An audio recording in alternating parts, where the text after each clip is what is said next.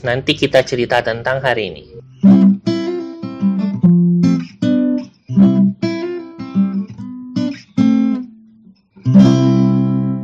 Aha, selamat datang lagi di podcast Ruang Opini. Masih sama saya Ajir, uh, satu-satunya host di podcast uh, ini. Podcast yang biasa-biasa aja kali ya. Udahlah. Oh ya, saya pengen cerita soal beberapa hari yang lalu. Tepatnya Jumat tanggal 22 Februari 2019 kemarin.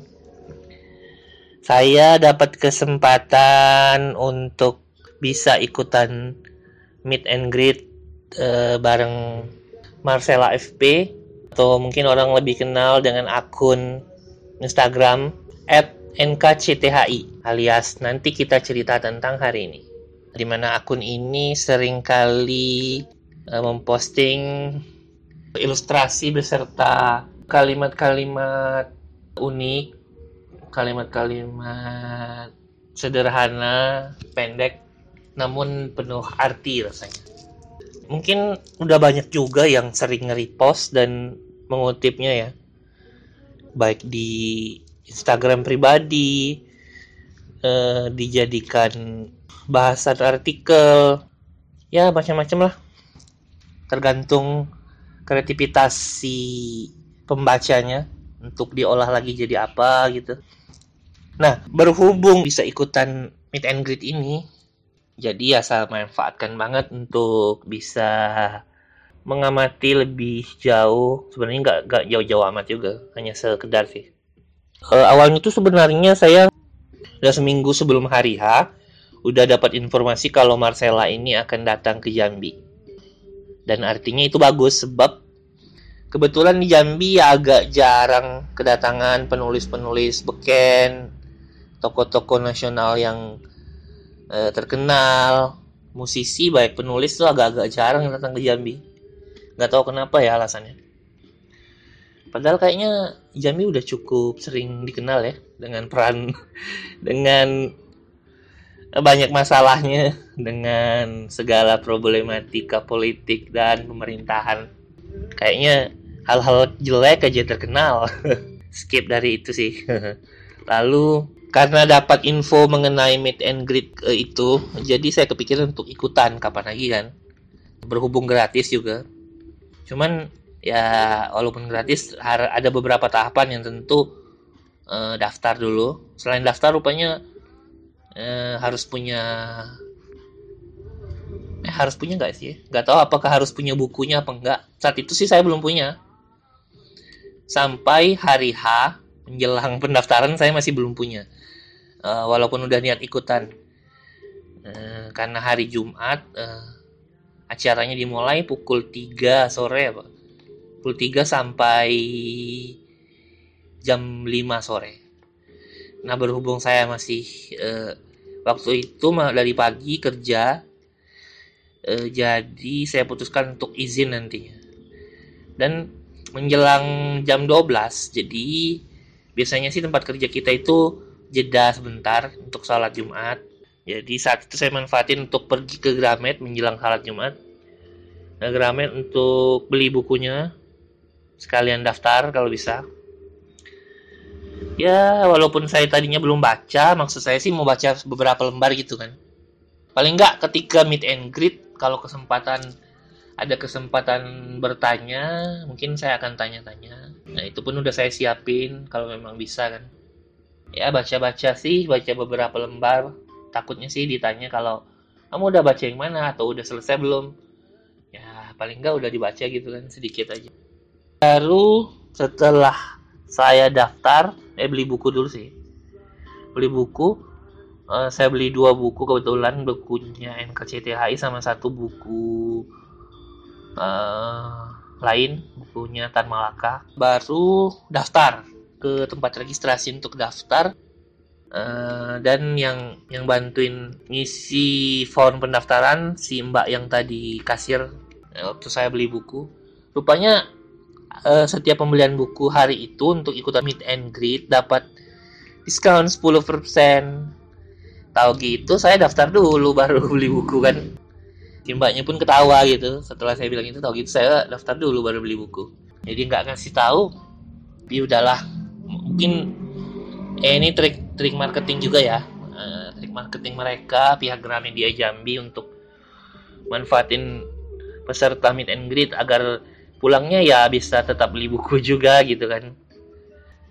Saat itu daftar uh, saya dapat nomor urut 9 untuk minta foto dan tanda tangan nantinya. Ya lumayan 9 masih termasuk awal-awal sih. Udah selesai itu daftar saya kebetulan ada ada masjid dekat sekitar. Salat dulu sebentar sih. Lalu ya pulang. Setelah itu pulang sebentar ke tempat kerja untuk uh, nyambung beberapa waktu dikit. Yang sih pengen izin jam 2 baru berangkat lagi. Jam apa jam setengah tiga. Eh waktu udah sampai di tempat kerja saya ngerasa kalau izinnya takut kecepatan gitu jadi agak perlah saya perlambat lah. Saya perlambat jam-jam hampir jam 3 kali atau di jam 3 baru saya uh, mutusin untuk pulang untuk izin dan sialnya ketika itu uh, saya kan uh, lagi ini sih lagi nggak bawa duit jadi mau ke ATM pas di ATM baru kepikiran eh karena nggak ada kendaraan jadi saya nungguin angkot. Udah beberapa menit ditunggu-tunggu nggak datang nggak ada angkot yang lewat. Saya pikir balik lagi ke tempat kerja untuk minjam motor teman cuman agak nggak enak takutnya kelamaan gitu. Karena ini dua jam ke depan kan. Takutnya ada perlu nanti dia butuh. Lalu masih saya tungguin tungguin tungguin tungguin tungguin tungguin. Beberapa menit udah kayaknya udah ada setengah jaman lewat 25 menit. Akhirnya ada angkot. Dan ya jalan ke arah uh, toko buku. Uh, lalu ya sayang sekali saya datangnya telat. Saya sampai di Gramet udah hampir jam 4 dan rupanya acara diskusi mungkin ada beberapa sesi kali ya. Kayaknya diskusinya udah selesai. Ya pikiran eh, pikiran saya sih tadinya ya kan udah siapin diri untuk nanya-nanya untuk gimana gitu interaksi kan. Tapi kayaknya udah gagal kesempatan itu udah lewat. Pada lah paling nggak datang gitu. Bisa foto-foto aja atau bisa ketemu bisa salaman. Bisa ngobrol dikit mungkin kalau bisa jadi tinggal sisi sesi foto. Mulailah uh, kru Gramedia ini nyeleksi nomor urut. Jadi dipanggil lah nomor satu dulu katanya sampai 9 eh sampai 10 eh, saat itu sih saya udah dengar udah dengerin berhubung saya nomor 9 kan. Tadinya saya pikir oh, oke okay, saya maju aja untuk ikutan. Tapi saya urungkan karena uh, saya pikir agak-agak jaim juga sih kalau kok kita cowok cowok sendiri gitu kan di acara ini. Saya pikir ikut ikut-ikut duluan pula. Tapi lama-lama kayaknya kayaknya cukup rame sih. Saya amati sekitar amati lagi sekitar. Kayaknya cukup rame juga cowok mungkin lebih dari lima orang. Dari berpuluh-puluh perempuan di situ mungkin ada seratusan peserta. Yang cowok perkiraan sih ada 10 apa kalau ditotalin 10 atau lebih apa. Kayaknya nggak sampai 20 e, lalu masuk ke gelombang kedua nomor 11 sampai 20 saat itu disebutin barulah saya ngasih nomor saya ke satpam. Wah kenapa telat katanya kata si eh, satpam. Saya nggak jawab ngomong aja ngasih aja. Terus si satpam ngasih ke panitia pendataan. Udah lama udah hampir nomor 19 apa 18 baru saya dipanggil maju ya maju ke lalu masuk ke, ke tengah panggung panggungnya nggak gede-gede amat sih kecil gitu. Ukuran dua kali tiga apa. Jadi pas mau masuk panggung si Marcelnya apa halo siapa namanya? Ya gitulah ya ramah-ramah gitu. Entah entah pembawaannya memang gitu atau ya beramah tamah aja gitu apalagi public figure kan. Kemungkinan sih orangnya memang ramah ya. salaman siapa namanya? Dia nyebutin namanya dulu Marcella. Marcella apa Cecil ya? Kebetulan dia kan nama nama kesayangannya Cecil dari orang-orang ya. Nama imutnya lah namanya nama kesayangannya panggilan kesayangannya Cecil halo Cecil Ajir. Siapa? Ajir. Kayaknya setiap saya kenalin nama ke orang nyebutin nama Ajir tuh kayaknya agak susah agak agak ini ya artikulasi kurang jelas kali ya Pak ya. Hmm, saya bukain buku saya sodorin ke dia. Di mana mau tanda tangan? Saya cariin halaman. Oh kok di sini sengaja ya? Iya sengaja. Uh, sebelum dia tanda tangan saya minta saya minta ini sih minta sedikit minta bantuan untuk kasih kalimat motivasi atau apa uh, dukungan itu untuk sebenarnya saya beli beli buku ini untuk saya hadiahkan ke adik saya sih dua orang. Jadi saya titipkan nama boleh nggak dikasih kalimat uh, afirmasi untuk adik saya dua orang adik saya? Terus kata si Cecil wah baik abang yang baik nih katanya baik banget diisilah sama Cecil namanya. Uh, dia nulis kalimat singkat semangat kejar mimpinya. Terus ada emosi senyum baru di bawahnya dia kasih tanda tangan. Nah, inisial M gitu dah. Terus masuklah sesi foto. Tadinya saya pengen ngerangkul sih tangan kiri kan di sebelah kiri saya. Tadi saya pengen ngerangkul pakai tangan kiri ke pundaknya tapi nggak enak kan nggak sopan. E, kurang ngajar banget nih kan orang kata panitia kan. Soalnya e, untuk perempuan peserta perempuan yang foto sama dia rata-rata dipeluk cipika cipiki gitu kan. Uh, ya sebelum maju sih ada satu orang peserta cowok yang bilang coba kita juga bisa foto uh, cipika-cipika atau peluk-peluk ya. Lalu saya jawab ngarep loh. Jadi ya nggak nggak pakai rangkul-rangkulan gitu walau jadi agak agak aneh juga gitu ya siapa kita gitu kan terus di foto setelah sama dia berapa kali uh, shoot dua tiga kali kayaknya. Terus satunya video. Dah turun. Setelah itu rasanya nggak tahu nggak sumringah terus gitu. Ya ini gue ketemu idola gue gitu ya. Kalau turun dari panggung uh, masih dengan wajah sumringah saya berdiri diri di sisi inilah eh, tempat. Sebenarnya orang agak pesertanya lesehan semua sih lesehan di depan panggung gitu duduk. Duduk lesehan gitu. Lesehan kayak rumah makan aja. Pokoknya duduk lah peserta semuanya duduk. Duduk gitu. Karena ini kita posisinya bukan di gedung jadi di Gramet gitu di di area Gramedia ini. Ada tempat duduk kebetulan saya duduk di situ ada perempuan sebelahnya sebelah saya sebelah kiri. Udah foto mas? Udah. Dia nanyain kan si perempuan ini udah foto udah. Nomor berapa tadi sih? Nomor 9 oh cepat ya. Terus saya diam dulu. Oh saya tanya balik kan. Mbak udah? Belum. E, nomor berapa? Nomor 75 wah masih lama. Cuman ini aja yang udah dapat hadiah. Oh dia dapat hadiah kebetulan. Dia agak sedikit pamer gitu kan. Dia ikutan lomba bikin uh, kutipan gitu. Dari Gramet yang diadain Gramet. Dia menang. Dia ada 10 orang mungkin kayaknya terus lagi. Oh iya. Hmm, di se nggak tahu nggak setelah beberapa menit saya duduk baru saya sadar di sebelah saya ada orang lagi uh, syuting uh, untuk wawancara gitu. Kayaknya dari uh, ini sih timnya Marcella timnya si Cecel. Untuk mungkin untuk testimoni kali. Jadi saya perhatiin tim dokumentasinya ini lagi wawancarin tiap-tiap beberapa peserta sih dia milih random gitu.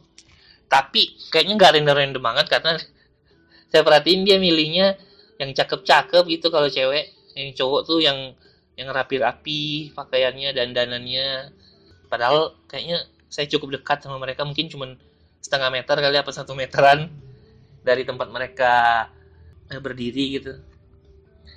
Lalu beberapa menit teman di sebelah saya yang perempuan tadi diajak syuting juga. Mbak e, udah baca bukunya udah. Mau kita wawancara boleh boleh. Maju naik. Sebelah eh berdirilah dia ke arah si eh, tim dokumentasi ini. Ya kenalin diri dulu kayaknya saya perhatiin dia kenalin diri.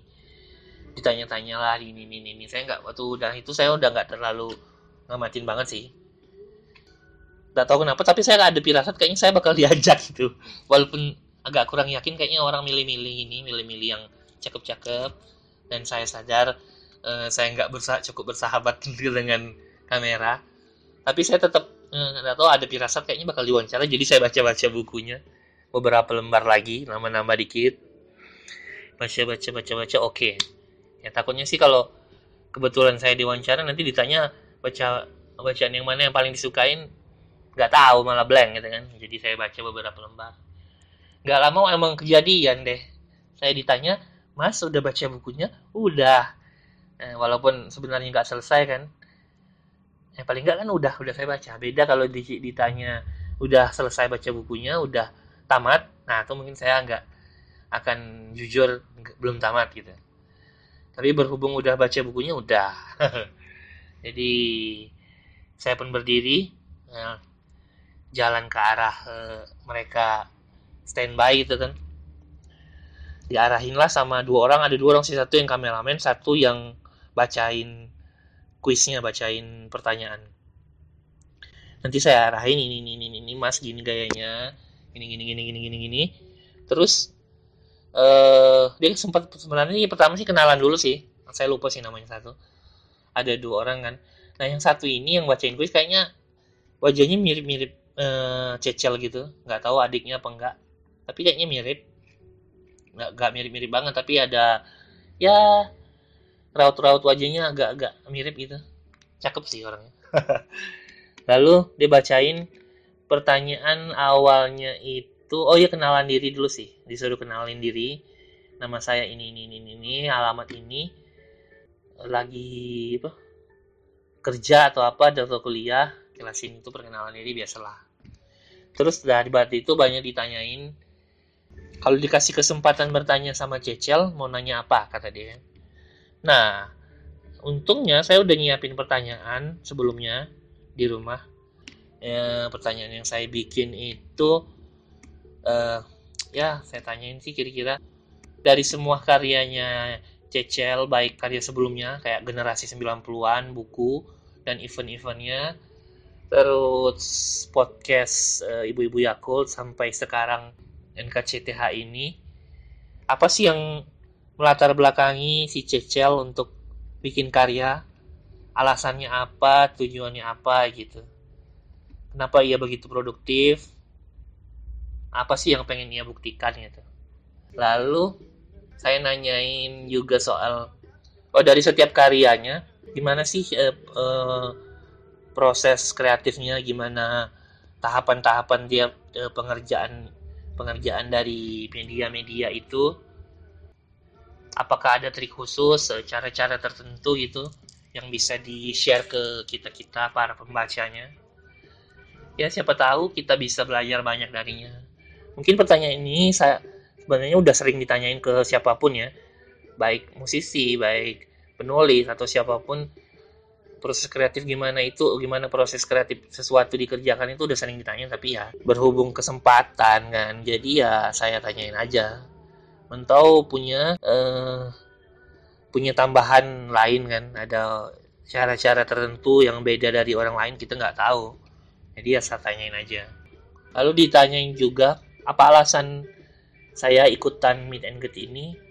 Jadi ya saya jawab kalau uh, seperti awal tadi orang-orang terkenal itu agak jarang datang ke Jambi baik penulis baik musisi atau siapa pun. Itu agak jarang banget mungkin ada tapi agak jarang lah gitu. Jadi untuk uh, momen-momen seperti ini sayang banget kalau nggak diikutin. Berhubung dekat juga gitu. Jadi saya putuskan untuk ikut. Lalu ditanyain juga soal kesan-kesan terhadap Cecil dan karyanya gimana. Saya bilang ya Sih orangnya inspiratif banget kreatif pasti. Gimana nggak kreatif kalau ia yang bikin? Bukunya bukan hanya nulis tapi bikin ilustrasinya juga. Ngerjain banyak promonya promo marketingnya juga sekalian mungkin sama tim tapi walaupun sama tim tapi ide besarnya dari dia ya. Beda kalau penulis-penulis lain tuh kadang hanya nulis aja.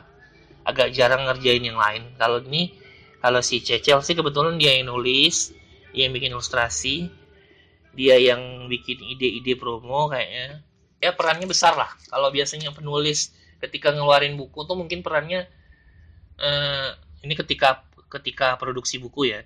Biasanya bukan bukan bukan pengerjaan buku tapi produksi buku. Nah si Cecil ini cukup banyak nampaknya kelihatannya walaupun nggak kita lihat secara langsung. Karena itu dia ngerjain tulis tulisan dia yang ngelola akun Instagram NKCTHI langsung nggak pakai admin admin mungkin. Karena ya yang tahu yang tahu karyanya ya dia sendiri gitu kan. Yang mesti balas testimoni dan komentar orang sesuai dengan apa yang mereka harapkan ya Cecil juga yang tahu. Kayaknya saya sosok tau banget nih ya. Lalu tuh sih sosok inspiratif kreatif. Ya pokoknya pujian semua lah namanya juga tokoh inspiratif kan.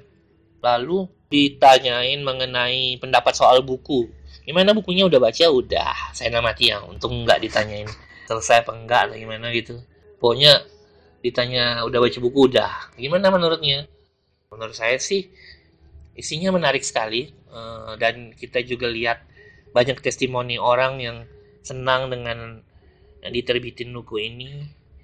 Uh, seperti ya buku ini ibaratnya buku self healing lah gitu. Buku-buku self improvement lebih ke gimana sih melalui uh, masalah.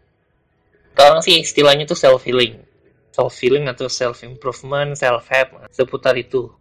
Sepertinya sih siapa pun bisa baca buku ini sih ini buku nggak nggak khusus uh, remaja semua juga. Dewasa orang dewasa yang udah nikah bahkan udah bisa punya. Kayaknya di buku ini tertera umurnya 13 13 tahun plus gitu. Saya pun nyampein uh, ngedeskripsiin bukunya pun uh, positif semua sih. Kayaknya nggak tahu juga ya gimana gimana kekurangannya. Karena sempurna sih nggak juga maksudnya karena banyak banyak yang menilai buku ini menarik dan baik. Jadi rasanya hal-hal jelek hal-hal buruk kalaupun ada rasanya tertutupin sama semua kebaikan. Yang jelas saya nggak fokus pada keburukan sih. Saya hanya hanya coba ambil sisi baik dari semuanya. Dari testimoni orang-orang tentang menariknya buku ini isinya tampilannya, pengemasannya, semuanya menarik. Buku ini sebenarnya e, menceritakan tentang seorang ibu sedang menahas, menasehati anaknya gitu, memberi pesan-pesan afirmasi untuk anaknya bernama Awan. Ya buku ini sih buku fiksi kayak buku dongeng gitu, tapi diceritakan dengan e, banyak ujangan, ya seperti pesan-pesan orang tua lah kepada anaknya untuk hidup lebih baik untuk jangan ini jangan itu. Tapi bukan bukan dengan cara mendikte sih dengan cara yang mengajak gitu ayo sama-sama. Terhadap sesuatu itu tetap kebu terhadap kesedihan kemalangan itu jangan berusaha untuk ditolak gitu. Ditolak sebagaimana mungkin. Jadi kita di seperti diajak untuk menerimanya aja gitu berlapang dada aja oh ya buku ini sebenarnya bisa dibaca dalam waktu satu jam. Kalau emang baca baca sekilas ya bisa dibaca dalam satu jam. Mungkin kalau ada yang lebih cepat bisa bahkan 30 menit kalau bisa gitu. Uh, cuma kalau dari yang saya amati sih setiap kalimat dalam satu lembar buku itu uh, enaknya tuh kita baca dulu terus renungin sebentar. Apa sih apa berhubungan sama kehidupan kita? Biasanya pasti otomatis gitu tergambar tentang dengan apa semacam ada koneksi nggak dengan masalah kita sehari-hari dengan kehidupan kita sehari-hari gitu? Atau mungkin pandangan kita mungkin dengan orang lain dengan orang yang kita kenal. Rasa kalau saya sih ngambarin ngambarinnya gitu. Setiap baca sesuatu langsung tergambar oh ini gini oh ini gini. Walaupun bisa tetap masih bisa dibaca dengan cepat juga. Dan buku ini juga bukan sekedar buku self healing juga buku art book sih kayaknya. Ya karena banyak ilustrasi kan ilustrasinya si Cecil menarik ilustrasinya berkarakter lah. Apa yang bisa dilihat orang di NKCTHI akun Instagramnya, ya itu juga yang ada di buku. Yang menariknya buku ini ya banyak pesan baik, banyak hal menarik yang bisa dipelajari selain self healing, bisa bagaimana kita dimanjakan warna-warna ilustrasi buku, pengemasannya menarik. Ya, dikonsep dengan baik lah kalau menurut saya ya ya udah ditanya pendapat saya mengenai buku itu ya saya jelasin tadi kan. Dan nggak lama apa harapan harapannya katanya dengan uh, datangnya Marcella ini? Ya kalau nggak salah sih ditanya itu ya. Ya harapan saya sih tentunya baik semoga ini bisa bawa manfaat untuk orang-orang uh, untuk saya pribadi khususnya. Dan mudah-mudahan lain kali bisa datang lagi ke Jambi ketika rilis buku selanjutnya eh kalau nggak salah dia akan kembali merilis buku terbaru, buku keempat ya. Buku keempat itu dari buku pertamanya generasi 90-an ada. Ada dua versi buku sih. Ya buku buku pertama dan buku kedua. Buku ketiga NKCTHI buku keempat ya uh, nanti judulnya apa ya? Lanjutan dari buku NKCTHI ini kalau nggak salah. Judul bukunya disebutin di uh, sosmednya NKCTHI sih namanya. Nanti emang kamu jangan kamu terlalu banyak bercanda apa gitu kayaknya. Oh iya kabar menariknya juga sebuah home produksi atau PH gitu apa miliknya uh, Angga Dwi Masa Songko sutradaranya Filosofi Kopi. Pokoknya Visinema ID Visinema itu dia yang punya lah bosnya dia gitu CEO-nya nah Visinema ID ini akan memproduksi film dari apa uh, adaptasi dari buku NKCTH ini. Kalau nggak salah bu kalau bukan tahun ini mungkin tahun depan. Yang menyutradarainya si istrinya Dimas Anggia siapa gitu namanya saya lupa. Buat yang nggak tahu Visinema ID Visinema ID ini baru-baru aja sukses dengan prestasi dari film apa ya Love for Sale yang Gading Martin sama siapa sih itu tahu. Itu tahun lalu sih dapat banyak penghargaan. Lalu produksi Visinema yang terkenal tahun ini sih uh, dimulai awal bulan awal eh, awal tahun kemarin awal tahun 2019 ini dengan film uh, keluarga Cemara keluarga Cemara terbaru gitu yang versi Ringo Agus Rahman Nirina Zubir dan nah, nggak tahu siapa nama anaknya lupa. Nah itu produksi V-Cinema ID juga. Dan kabar baik itulah yang akan datang tahun ini kalau nggak tahun depan uh, untuk garapan film. Nanti kita cerita tentang hari. E, dari situ setelah beberapa pertanyaan saya jawab e, saya pun disuruh menutup dengan mengucapkan e, pesan andalannya. Nanti kita cerita tentang hari ini. Selesai nah setelah ditanya pun saya agaknya semberinga gitu kan. Walaupun nggak bisa nanya langsung ya setidaknya dapat kesempatan wawancaranya. Walaupun nggak tahu di mana bisa lihatnya kan. Ya paling nggak nanti mungkin si Cecil akan lihat dan jawab. Ya syukur-syukur kalau nanti di share ah intinya sih menyenangkan sih bisa ikut uh, ini bisa ikut meet and greet ini. Tadinya sih saya agak jaim-jaim gitu untuk ikutan kan uh, takutnya ya kalau saya hanya cowok sendiri gitu rupanya enggak lah. Rupanya cukup banyak cowok yang ikutan. Sebenarnya nggak masalah sih ya. Uh, baik aja gitu pokoknya menurut saya untuk diikutin. Ya setidaknya kita bisa belajar gimana sih seseorang bisa memperlakukan karyanya sebaik ini bisa merawat karyanya dengan dengan baik dengan apa penuh totalitas gitu ya di buku di bukunya sih saya baca sesuatu yang dikerjakan dengan hati itu akan sampai sampai ke hati-hati yang lain kira-kira gitu nah sejalan dengan ini Uh, begitulah yang terjadi dengan buku buku nanti kita cerita tentang hari ini. Bayangkan aja gitu. Uh, di tahun 2018 dicetaknya bulan-bulan kapan ya? Sebentar ya, kita buka dulu. Uh, bukunya itu dicetak pertama bulan Oktober 2018. Lalu sebelum tahun berganti bulan Novembernya udah cetakan ke-8. Bayangkan aja udah berapa puluh ribu buku yang dicetak. Mungkin kalau udah sampai sekarang ya udah cetakan berapa gitu. Mungkin bisa aja ke cetakan ke-20. Gak tahu. Dengan respon pembaca di internet yang membludak dan viral di mana-mana dan bahkan ya buku ini tuh jadi buat yang mengamatin kayaknya. Mengamatin ranah Instagram gitu. Buku ini kayak semacam pionir eh trigger gitu. Trigger banyak akun-akun Instagram bermunculan yang uh, ilustrasi dan apa ya pesan-pesannya itu kayak senada gitu. Berusaha bukan berusaha menyamai sih. Warnanya sama gitu warna dalam artian karakter gitu. Ya ini bukan plagiat sih ini namanya ya kreativitas kan gitu. Kreativitas kan bekerja mempengaruhi yang lain kan. Uh, ya saya rasa sih ini bagus bagus banget. Uh, jadi banyak yang terpicu gitu. Terpicu untuk membuat uh, hal menarik gitu dengan konsep ide yang sama.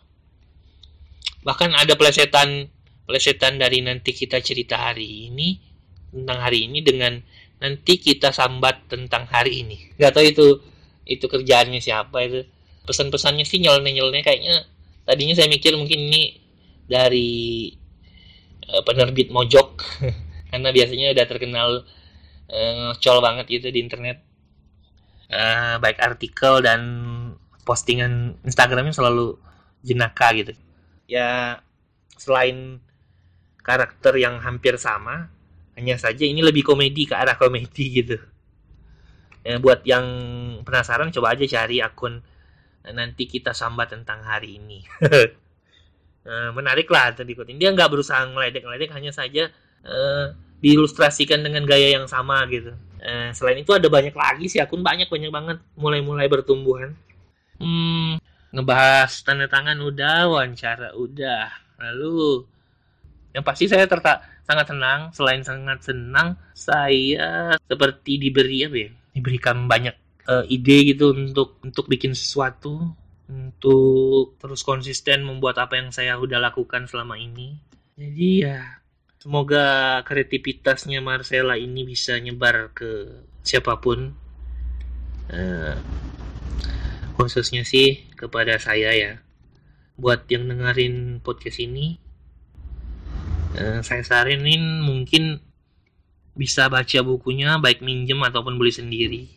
Mana tahu dapat pemahaman baru dapat ide juga ide menarik untuk bikin sesuatu bikin proyek sesuatu kita nggak pernah tahu kan gimana ide bekerja gitu. Siapa tahu dengan itu uh, ada terobosan-terobosan baru yang bisa kita ciptakan kita nggak pernah tahu kan. Uh, jadi ya pokoknya jangan istilahnya tuh jangan mengabaikan ide kecil ide sederhana. Buktinya aja buku ini dengan sebenarnya bisa dibaca satu jam tapi bisa juga dibaca dengan berjam-jam karena akan menghasilkan ya, perenungan-perenungan yang dalam gitu. Walaupun pesan-pesan yang ditulis sebenarnya mudah kita cerna, sederhana banget, eh, bisa mudah dibaca dan mudah dimengerti dan enak dilihat gitu. Nah tapi dengan kesederhanaannya itu eh, justru itulah daya tariknya menarik itu bikin perenungan melibatkan kita pada setiap kalimat-kalimatnya gitu. Mengantar mengantarkan kita pada penerawangan e, berpikir gimana sih e, hubungannya dengan kehidupan kita sehari-hari. Ya banyak hal lah yang bisa dikaitkan. Buat yang ini sih buat buat siapa pun yang merasa pingin aja. Kalau nggak nggak tertarik ya mungkin punya pendapat beda kan biasalah. Ya kayaknya mungkin udah segitu dulu kali ya. Mudah-mudahan apa yang bisa saya dapat dari buku ini dan bisa ketemu Cecel bisa banyak membantu untuk saya. Nggak tahu kalau untuk orang lain saya nggak tahu. Saya nggak bisa jamin juga karena tugas saya tadinya cuma mau cerita-cerita aja sih. Sekian dulu nanti kita cerita tentang hari ini